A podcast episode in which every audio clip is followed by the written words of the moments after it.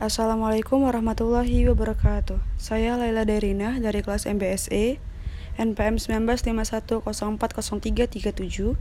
Di sini saya akan membacakan podcast dari ten tentang PT Freeport Indonesia.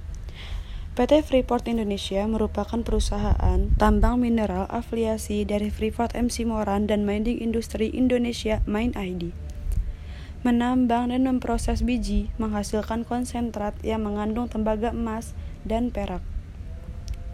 Memasarkan konsentrat ke seluruh penjuru dunia dan terutama ke smelter tembaga dalam negeri. PT Smelting beroperasi di dataran tinggi terpencil di Pegunungan Sudirman, Kabupaten Mimika, Provinsi Papua, Indonesia. Tambang di kawasan mineral Grasberg, Papua, merupakan salah satu deposit tembaga dan emas terbesar di dunia. Saat ini menambang pada fase akhir tambang terbuka Grasberg. Tengah mengerjakan beberapa proyek pada kawasan mineral Grasberg sehubungan dengan pengembangan beberapa tambang bawah tanah yang berkadar tinggi, yang berskala besar, dan berumur panjang.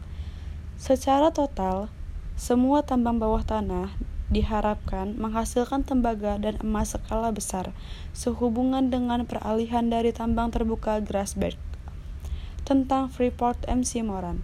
Freeport MC Moran merupakan suatu perusahaan tambang internasional terkemuka dengan kantor pusat di Phoenix, Arizona, Amerika Serikat.